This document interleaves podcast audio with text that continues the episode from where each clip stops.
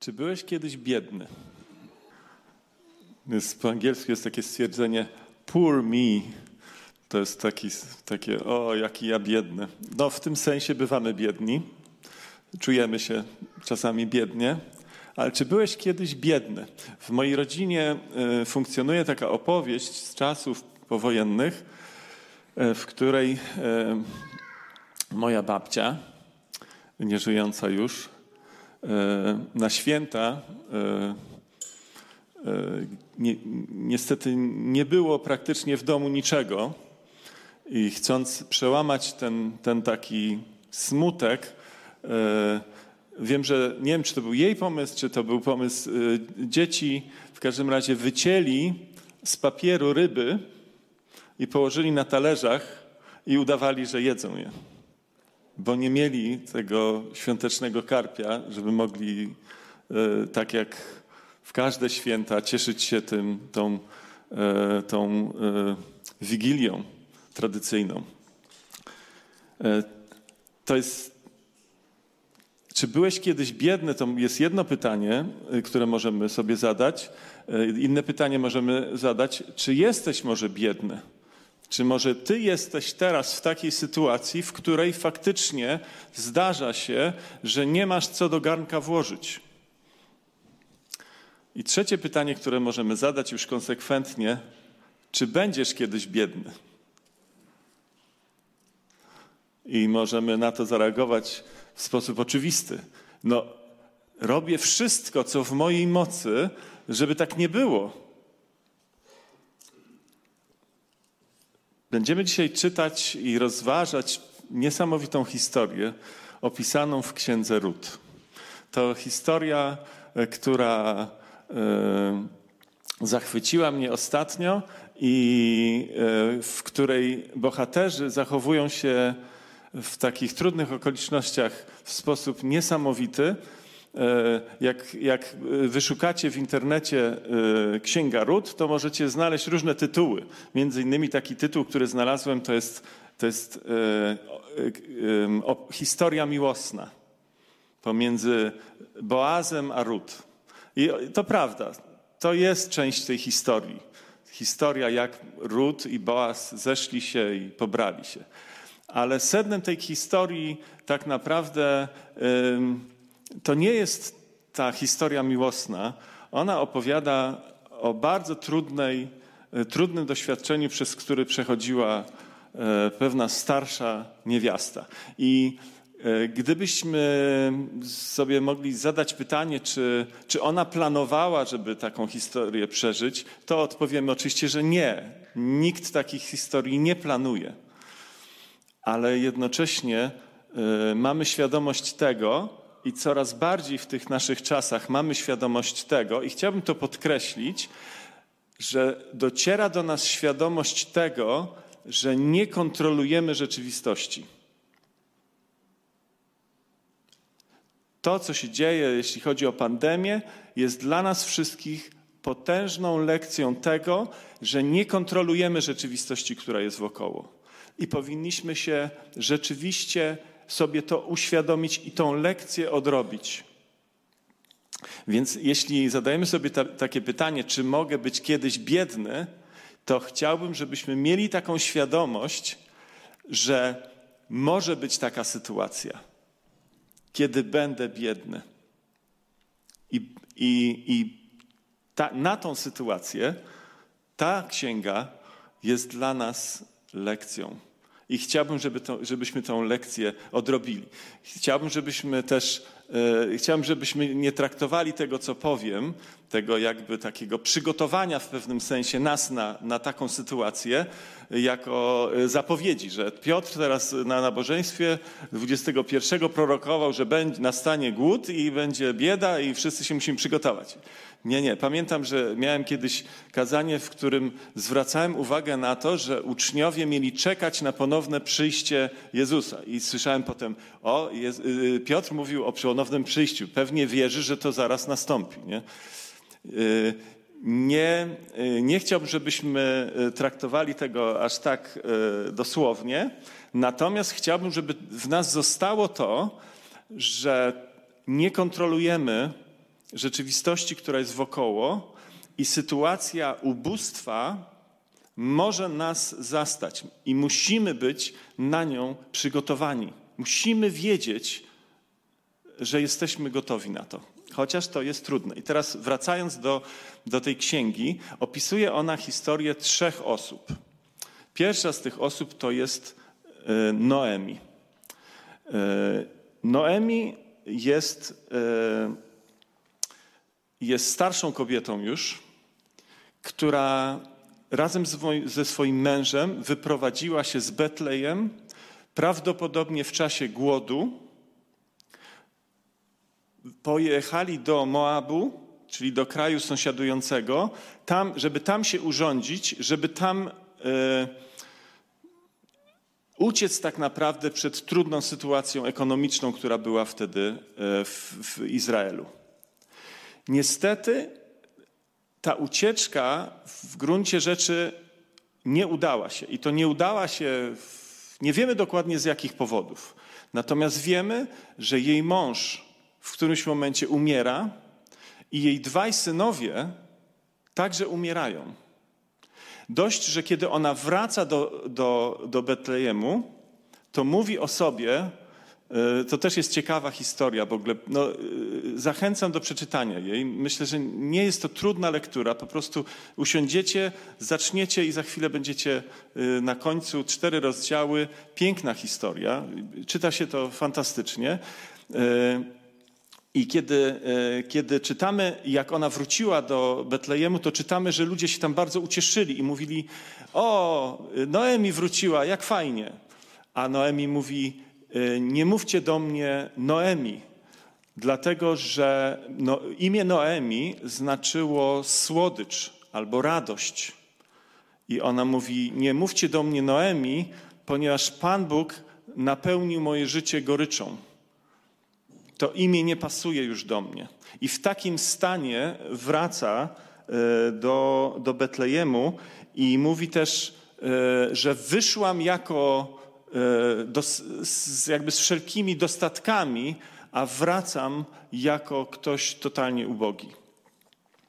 E, I to jest i pierwsza postać, której się będziemy przyglądać, która rzeczywiście przeżywa e, biedę, taką totalną biedę. Nie ma praktycznie nic. Jakbyśmy się przyjrzeli, przy, przyjrzeli jej, to widzimy kobietę, która jest już starsza, nie ma męża, nie ma majątku, nie ma finansów takich nawet, żeby kupić jedzenie, e, nie ma, e, nie ma też nikogo wokół, nie ma swoich synów, którzy mogliby ją wesprzeć. I teraz e, za chwilę się przyjrzymy temu, co ona robi w tej sytuacji, w której, której ją zastajemy.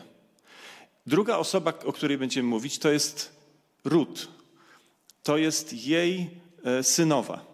To jest osoba, która pochodziła z Moabu, e, wyszła za jej syna i, i zdecydowała się, że, że dołączy się do niej i wraca razem z nią do Betlejemu. Za chwilę e, spojrzymy na te okoliczności. A trzecią osobą, której będziemy się przyglądać, to Boaz.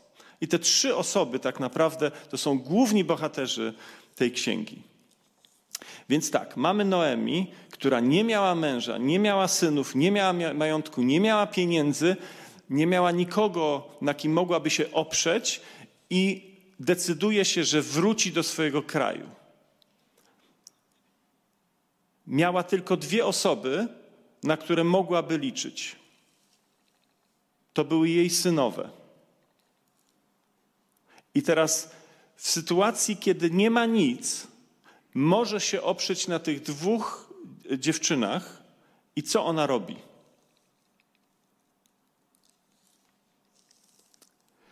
Ona odwraca się do nich i mówi: y, Nie idźcie ze mną. Zostańcie, ułóżcie sobie jakieś życie tu. Jak pójdziecie ze mną, to będziecie w obcym kraju, bez męża, ja już wam nie urodzę, ja już nie urodzę synów, za których moglibyście wyjść. To je, trzymanie się mnie to będzie dla was złe rozwiązanie. Więc zobaczcie, w tej bardzo trudnej sytuacji, kiedy ona może się oprzeć na tych dziewczynach, co ona robi? Ona je uwalnia. Ona nie trzyma się tego kurczowo. Ona mówi: Nie, lepiej będzie dla Was, jeśli Wy wrócicie do swoich. To niesamowite, niesamowite świadectwo yy, troski i takiego niezafiksowania się na tym, jak to ja mam źle. I teraz ja mam, coś takiego mnie spotkało, teraz wszyscy inni powinni y, się skoncentrować, żeby mi pomagać. A ona nie myśli teraz w tym momencie o sobie, tylko ona myśli o tych dziewczynach i mówi: Nie, idźcie. I sytuacja jest ciekawa, ponieważ na to idźcie, jedna z nich reaguje rzeczywiście: Dobrze, masz rację. To jest, to jest, to jest niedobre rozwiązanie, pójść za tobą wrócę rzeczywiście do swojej rodziny i spróbuję sobie jakoś urządzić życie.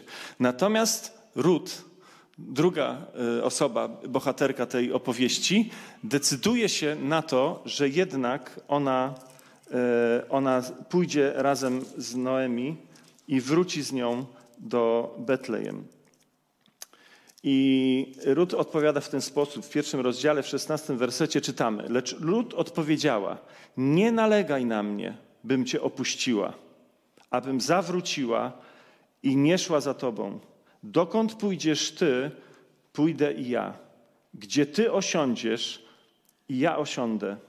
Twój lud będzie moim ludem, a Twój Bóg będzie moim Bogiem. To, co Noemi zrobiła, jej postawa była dla Rut czymś tak atrakcyjnym, że ona powiedziała: Nie, ja pójdę za tobą, ja pójdę za tym. Tam było coś takiego, co, co spowodowało wrót pragnienie e, pójścia za tym, za tym sposobem myślenia, za tym Bogiem, który, który powoduje, że ludzie postępują w ten sposób. I słyszymy, że idzie. Natomiast kiedy przyglądniemy się Noemi, w dalszym ciągu tej historii, to zobaczymy nadal kobietę, która, yy, która cieszy się oczywiście z tego, że Rut y, się o nią troszczy, bo, bo Rut się jakby koncentruje na tym, żeby zatroszczyć się o swoją teściową. Natomiast Noemi koncentruje się na tym, żeby zatroszczyć się o Rut.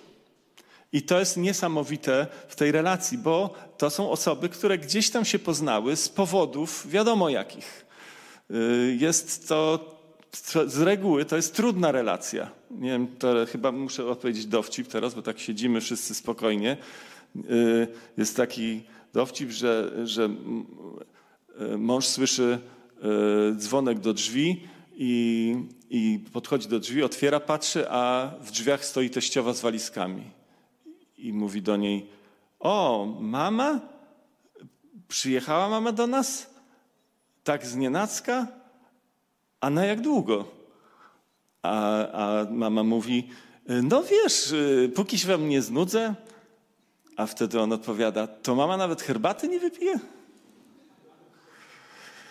Takie trudne relacje pomiędzy synowymi a teściowymi są normalne. A tu widzimy coś zupełnie innego. Nie wiemy, nie, nie, widzimy ten niesamowite, ciepło, które bije od Noemi i tą troskę, ale widzimy też niesamowity charakter u Rut i to, że ona odpowiada y, i idzie, zdecydowanie idzie, idzie za tym.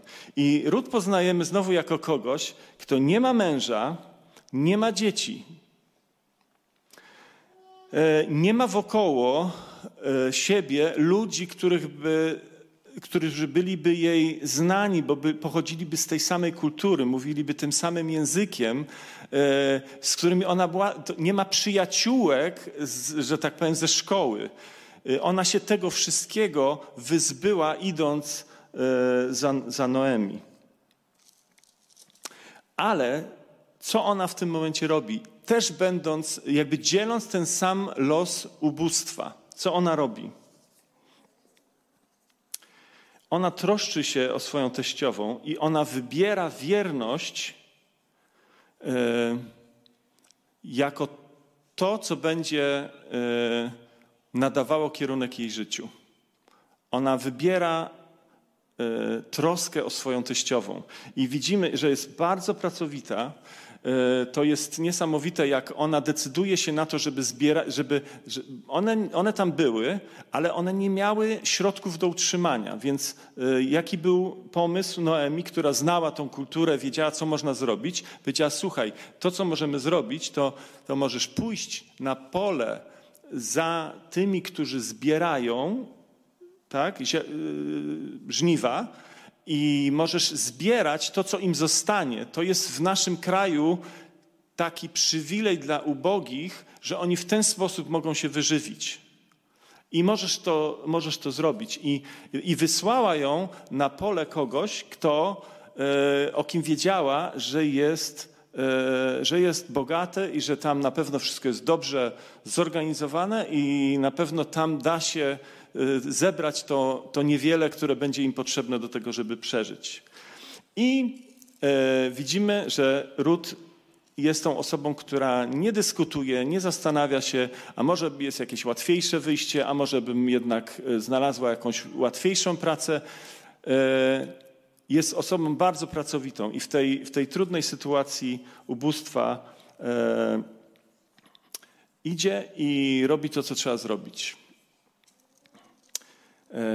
I tutaj, e, I tutaj następuje e, taki moment, w którym, e, w którym ta historia, że tak powiem, w którym następuje główny zwrot, bo ta historia rzeczywiście opowiada historię ludzi, którzy są bardzo ważni z punktu widzenia losów narodu izraelskiego. Dlaczego? Dlatego, że z tej kobiety, Rut, i z tego mężczyzny o, o, o nazwisku Boaz urodzi się Obed, a po kilku pokoleniach urodzi się kto? Dawid. I Dawid jest bardzo ważną postacią w historii Izraela. Jest tym, który właśnie w okolicy tysięcznego roku przed naszą erą staje się królem w takim okresie rozkwitu tego państwa. I do niego się odnosi później bardzo wiele też proc, i on jest pewnego rodzaju obrazem e, Mesjasza, na którego oni czekają. A zatem, kiedy poznajemy e, Boaza, to poznajemy kogoś, kto ma dokładnie, kto, kto postępuje tak samo jak one, w tym sensie, że spotykając ród, która jest w potrzebie,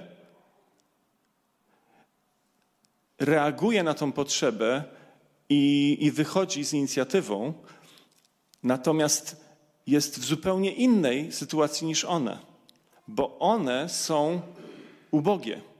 One nie mają nic, a on ma wszystko. I słuchajcie, y, mając wszystko, mamy czasami takie tendencje do tego, żeby to wszystko zasłoniło nam tak horyzont i cieszymy się tym wszystkim tak bardzo, że już nie widzimy spoza tego wszystkiego innych ludzi, którzy może potrzebują naszej pomocy. A Boaz jest osobą, która to widzi. I to jest niesamowite. On ma I on postępuje dokładnie tak samo jak one, troszczy się, chociaż ma zupełnie inaczej niż one. Bo on ma wszystko. E, I tutaj e, on, on, on się zatroszczył o ród, zapewnił jej bezpieczeństwo. Czytamy, że on, e, że on poza tym, co ona zebrała, to, to, to jej tam dorzucił. Poprosił tych żeńców, żeby specjalnie zostawiali więcej y, takich niedozbieranych, żeby ona mogła łatwiej zrobić swoją robotę. Troszczy się o nią. I widzimy, że ta troska jest bezinteresowna. On jest przejęty tym, jak ta młoda kobieta troszczy się o swoją teściową. I co więcej, on mówi, całe miasto jest w szoku. Całe miasto jest w szoku, jak ty postępujesz wobec swojej e, teściowej. I rzeczywiście, będąc pod tym wrażeniem, reaguje na to i, i, i troszczy się o, o ród. E, potem następuje taki, e, taki, taki ciekawy rozdział trzeci, w którym czytamy, że Noemi, e, Noemi wpada na pomysł, że może, skoro Boaz jest singlem, a Rut jest wdową, to może by się udało jakoś ich losy ze sobą e, spleść. No i proponuje taki scenariusz, żeby Rut poszła wtedy, kiedy on będzie na polu, tam będzie nocował, ona ma się do niego przytulić. To brzmi dosyć dziwnie, ale nie brzmi aż tak dziwnie, żebyśmy tu mogli podejrzewać o to, że tam się coś zadziało, że, że pewne granice zostały przekroczone. Natomiast czytamy, że to było dla Boaza to było rzeczywiście ważne i on, on zaczyna myśleć o Rut nie tylko jako o tej fajnej kobiecie, która pomaga swojej teściowej, ale zaczyna myśleć o niej jako partnerce y, dla swojego życia. Y, I, i postanawia im pomóc już właśnie w taki sposób, który oznacza, że, że, że oni się pobiorą. I teraz tutaj przychodzą nam e, takie dwa zwyczaje, które są opisane w czwartym rozdziale, i oba te zwyczaje y, są zaczerpnięte z prawa mojżeszowego. Jeden jest opisany w 25 rozdziale y, Księgi Powtórzonego Prawa, czyli piątej Mojżeszowej, a drugi jest opisany w 25 rozdziale Księgi Kapłańskiej. I ciekawe, że jest mnóstwo praw w Starym Testamencie czy w prawie mojżeszowym, e, które, które regulowały życie społeczne i wiemy, że Izraelici bardzo rozmaicie do tego podchodzili. Tak, czasami przestrzegali, czasami nie, na ogół nie. Natomiast tutaj widać, że to prawo tam nadane jest ich świadomości i jest w praktyce ich życia. Ale jak widać, nie dzieje się to w taki sposób automatyczny. To znaczy, jest pewne narzędzie, i to jest w Księdze Kapłańskiej jest opisane, że jeśli człowiek zubożeje do tego stopnia, że straci wszystko, to jego krewny może albo powinien w zasadzie wykupić go. Powinien wykupić, żeby odbudować jego życie.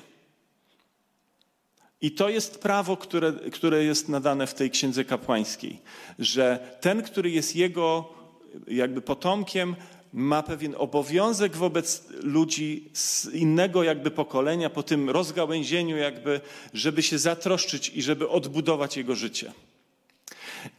I drugie prawo z piątej Mojżeszowej mówi z kolei o tym, że jeśli znowu twój krewny yy, umrze nie spłodziwszy swojego potomka, e, to Twoim obowiązkiem znowu jest poślubić tą wdowę po to, żeby jego jakby linia nie zaginęła. To jakby poślubić tą osobę i dziecko, które się urodzi, będzie tak jakby należało do niego, do, do jego linii. I, I te oba te prawa e, widać, że funkcjonują w świadomości, ale one tak funkcjonują, że w gruncie rzeczy, e, gdyby nie Boaz i jego inicjatywa, to by się nic nie stało. Znaczy, wszyscy wiedzą, że takie prawo jest, wszyscy wiedzą, że, że mogliby to zrobić, ale nikt nic nie robi. Przychodzi mi do głowy e, inne prawo, które mamy w Polsce. I z góry, e, tak, przepraszam, jeśli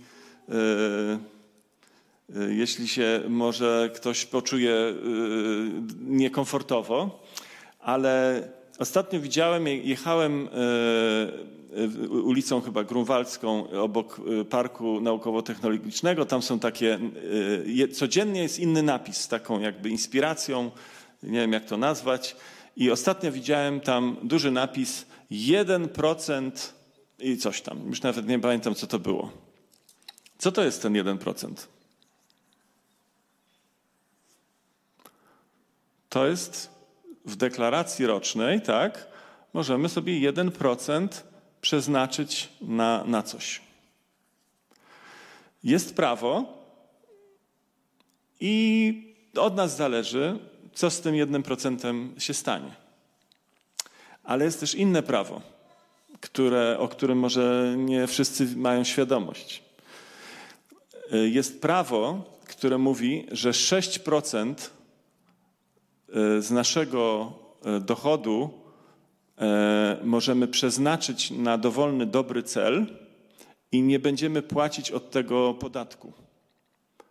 To jest coś zupełnie innego. Ponieważ kiedy decydujemy się na to, żeby ten 1% przeznaczyć na to czy na tamto, to musimy mieć świadomość, że my nic nie daliśmy. Ponieważ ten 1% nie należy już do nas. To jest 1% z naszego podatku, który nam został zabrany tak czy inaczej. I to nie jest nasze. Jedyne, co możemy zrobić z tym, to powiedzieć, gdzie to będzie przekierowane. Ale my niczego nie daliśmy. To znaczy, daliśmy, ale to nie było nasze. Rozumiecie o co chodzi? Natomiast jest prawo, które mówi, że 6% naszego dochodu mogę, mogę przeznaczyć na dowolny, dobry cel i nie będę płacił od tego podatku. Ale ilu z nas z tego prawa korzysta? Tak samo tutaj mamy sytuację, kiedy jest prawo, które umożliwia osobie i, i jakby pokazuje drogę, jak to zrobić, natomiast dopiero Boaz staje na, na, na, rynku czy gdzieś tam w bramie i mówi: Słuchajcie, jest taka sytuacja, jest Noemi, trzeba by ją wykupić z, tego jej, z tej jej terapatów E, I, I on, ponieważ to zależało od tego, kto jakby jest w tej genealogii pierwszy, kto jest ten, to tak jak z dziedziczeniem trochę, no to, to okazuje się, że był ktoś jeszcze, kto miał więcej praw, żeby to zrobić, żeby wejść w tą rolę. I Boaz mówi, no to może ty. I on mówi, tak, to ja to zrobię. I wtedy Boaz mówi, no tak, ale musisz wiedzieć, że jeśli to zrobisz, to w zasadzie to powinieneś też ożenić się z, Noem, y, z, z Rut. No bo to jest ta druga część i powinien się zatroszczyć nie tylko o, o odbudowanie ich życia takie materialne, ale powinieneś wzbudzić potomka jakby z tej linii. I wtedy ten gościu mówi, nie, nie, dobra, to ja nie, bo to, to, już, by mi, to już byłoby za dużo. Y, I, I wycofuje się i wtedy Boaz może wejść w tą rolę. I teraz Oczywiście dochodzi do, do, do tego wykupu, dochodzi do, do ślubu e, pomiędzy Rut i, e, i, e, i Boazem. I koniec tej historii, opisany w czwartym rozdziale, e, pokazuje Noemi w zupełnie innym miejscu. E, mianowicie w 16 wersetu wersecie czytamy: Noemi wzięła chłopca w ramiona i przytuliła go do piersi, bo urodził się im syn o, o imieniu Obed, e, który, które można przetłumaczyć jako usługujący albo czciciel. E, I, I wzięła go w ramiona i przytuliła do piersi i została jego piastunką. Sąsiadki zaś nadały mu imię. Tak? Noemi urodził się syn, powiedziały. Niech nosi imię Obed. Będzie on potem ojcem Jesaja, któremu z kolei urodził się Dawid. Także kiedy spojrzymy na początek tej historii i no, Noemi, która mówi: Nie nazywajcie mnie już Noemi, dlatego że Pan Bóg e, zrządził w moim życiu takie okoliczności, że moje życie jest pełne goryczy, i widzimy na koniec tej historii, to widzimy, że z jednej strony Noemi miała rację, kiedy mówiła: To Pan Bóg uczynił to w moim życiu, bo wiemy, że nic nie dzieje się bez Bożej, Bożego przyzwolenia, bez Bożej autoryzacji, bez Bożego panowania. Nic Bogu się nie wymyka spod kontroli, więc ona ma świadomość tego, że za tym wszystkim stoi Bóg, ale nie wie o tym, nie, nie przewiduje tego, nie ma w niej tej tego oczekiwania, że te wszystkie te, te doświadczenie tak naprawdę e, mają doprowadzić do tego miejsca. Więc z jednej strony ma rację kiedy widzi w tym Bożą rękę, z drugiej strony widzi tak jakby wszystko przez zasłonę. I kiedy patrzymy na tą księgę, to widzimy tu Pana Boga, który działa, tak jak w tej piosence, którą śpiewaliśmy. Chociaż nie widzimy, On działa. Chociaż tego nie czuje, On działa. Widzimy Go działającego przez okoliczności. I nie widzimy Jego ręki takiej wyraźnej, ale widzimy, jak On działa. I to jest niesamowite w tej historii. I to jest niesamowite, i możemy się sobie zadać pytanie, dlaczego tak jest? A to dlatego, że Pan Bóg zdecydował, żebyśmy my widzieli tą różnicę pomiędzy pierwszym rozdziałem Biblii, a tym miejscem, w którym jesteśmy teraz, czyli trzecim i dalszymi rozdziałami. Kiedy Pan Bóg powiedział pierwszym ludziom, po tym jak oni zgrzeszyli w ogrodzie Eden, pokazał im drzwi wyjściowe od ogrodu Eden, to miał to na myśli, żebyśmy od tego czasu czuli tą różnicę pomiędzy tamtą rzeczywistością, którą tracimy wtedy, kiedy odwracamy się od Boga plecami, a tą rzeczywistością, w której jesteśmy. I ta księga opowiada o Bogu, który działa.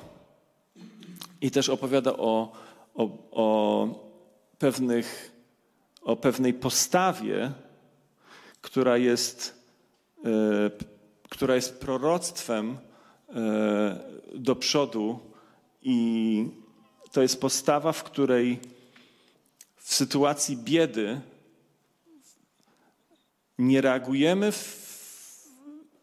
koncentrując się na tym, czego nie mamy i nie biadolimy, nie, nie zamykamy się w tym naszym, w tym naszym ubóstwie, ale potrafimy spojrzeć pomimo to, tej biedy na innych i troszczyć się o nich. I kiedy patrzymy na te trzy postacie, to musimy spojrzeć też na czwartą postać. Na postać Jezusa, który jest opisany w liście do Filipian, gdzie czytamy: Bądźcie względem siebie tacy jak Chrystus Jezus. On, choć istniał w tej postaci co Bóg, nie dbał wyłącznie o to, aby być mu równym, przeciwnie, wyrzekł się siebie, przyjął rolę sługi i był jak inni ludzie, a gdy już stał się człowiekiem, uniżył się tak dalece, że był posłuszny nawet w obliczu śmierci i to śmierci na krzyżu. Dlatego Bóg szczególnie go wywyższył i obdarzył imieniem znaczącym więcej niż wszystkie inne, aby na imię Jezus zgięło się każde kolano na niebie, na ziemi i pod ziemią i aby każdy język wyznał, że Jezus Chrystus jest Panem na chwałę Boga Ojca. Nie wiemy, co przyniesie przyszłość, ale wiemy, że teraz bywamy w takich sytuacjach ciągle, w których możemy być w miejscu Rut albo Noemi, albo możemy być w miejscu Boaza, ale w każdym z tych miejsc jest miejsce na dostrzeżenie drugich i ich potrzeb. I bądźmy wobec nich takiego usposobienia, jakie było w Chrystusie, który dla nas wyrzekł się całego bogactwa, aby dla nas zejść najniżej, jak się tylko da, aby móc nas uratować. I ten obraz wykupywania przez, przez Boaza, Noemi, z, tej, z tego jego ubóstwa jest obrazem Jezusa, który nas wykupił. Który nas wykupił, który nasze długi umorzył. Zapłacił za nas. Zapłacił za nas, abyśmy my byli wolni, abyśmy my mogli mieć nasze życie odbudowane on jest odbudowującym nasze życie. I On chce odbudować Twoje życie i moje życie. Ale kiedy On buduje nasze życie, On chce odbudować je na swój obraz i swoje podobieństwo. Abyśmy byli podobni do Niego. Właśnie w chwili próby, ubóstwa, trudności, abyśmy byli tak jak On, gotowi spojrzeć poza te okoliczności i, i spojrzeć, zobaczyć innych ludzi i pomóc im. I być tak jak Noemi, która pozbawiła się, gotowa była pozbawić się swojej pomocy, bo myślała bardziej o nich, o tych dziewczynach, niż o sobie. Bądźmy podobni do Jezusa, bądźmy podobni do tych postaci, które tu są opisane. I bądźmy podobni teraz w tej pandemii, w której narzekamy i mówimy: tego mi brakuje, tamtego mi brakuje. I to prawda jest, brakuje nam. Ale bądźmy podobni w ten sposób, że spojrzymy na innych, zobaczymy, czego im brakuje i wyjdziemy z inicjatywą. I to ciekawe jest, że kiedy Noemi właśnie tak się zachowuje, to końcem tej historii jest, jest y, takie błogosławieństwo i zaspokojenie jej potrzeb. Kiedy odwracamy nasze oczy od, od nas samych, doświadczamy, doświadczamy błogosławieństwa, błogosławieństwa życia Bożego, które w nas płynie. To jest taka jakby Jego krew, która w naszych żyłach wtedy płynie. I do tego nas wszystkich zachęcam. Nie możemy kontrolować tak naprawdę tego, czy będziemy biedni, czy będziemy bogaci, ale możemy wpłynąć na to, czy nie będziemy biedni w miłosierdzie wobec innych, czy nie będziemy biedni w taką postawę troski wobec, wobec innych wokół nas. Proszę nas, rozejrzyjmy się wokoło i spójrzmy i patrzmy, widźmy tych, którzy potrzebują. Amen. Zapraszam, e, zapraszam nas e, teraz do modlitwy. Powstańmy. Dziękujmy Bogu za zaopatrzenie, dziękujmy za, za to, co, co mamy od Niego i prośmy o to, żeby, żeby nas poprowadził i, i ożywił naszą wiarę, e, napełnił ją takimi uczynkami miłosierdzia na Jego podobieństwo.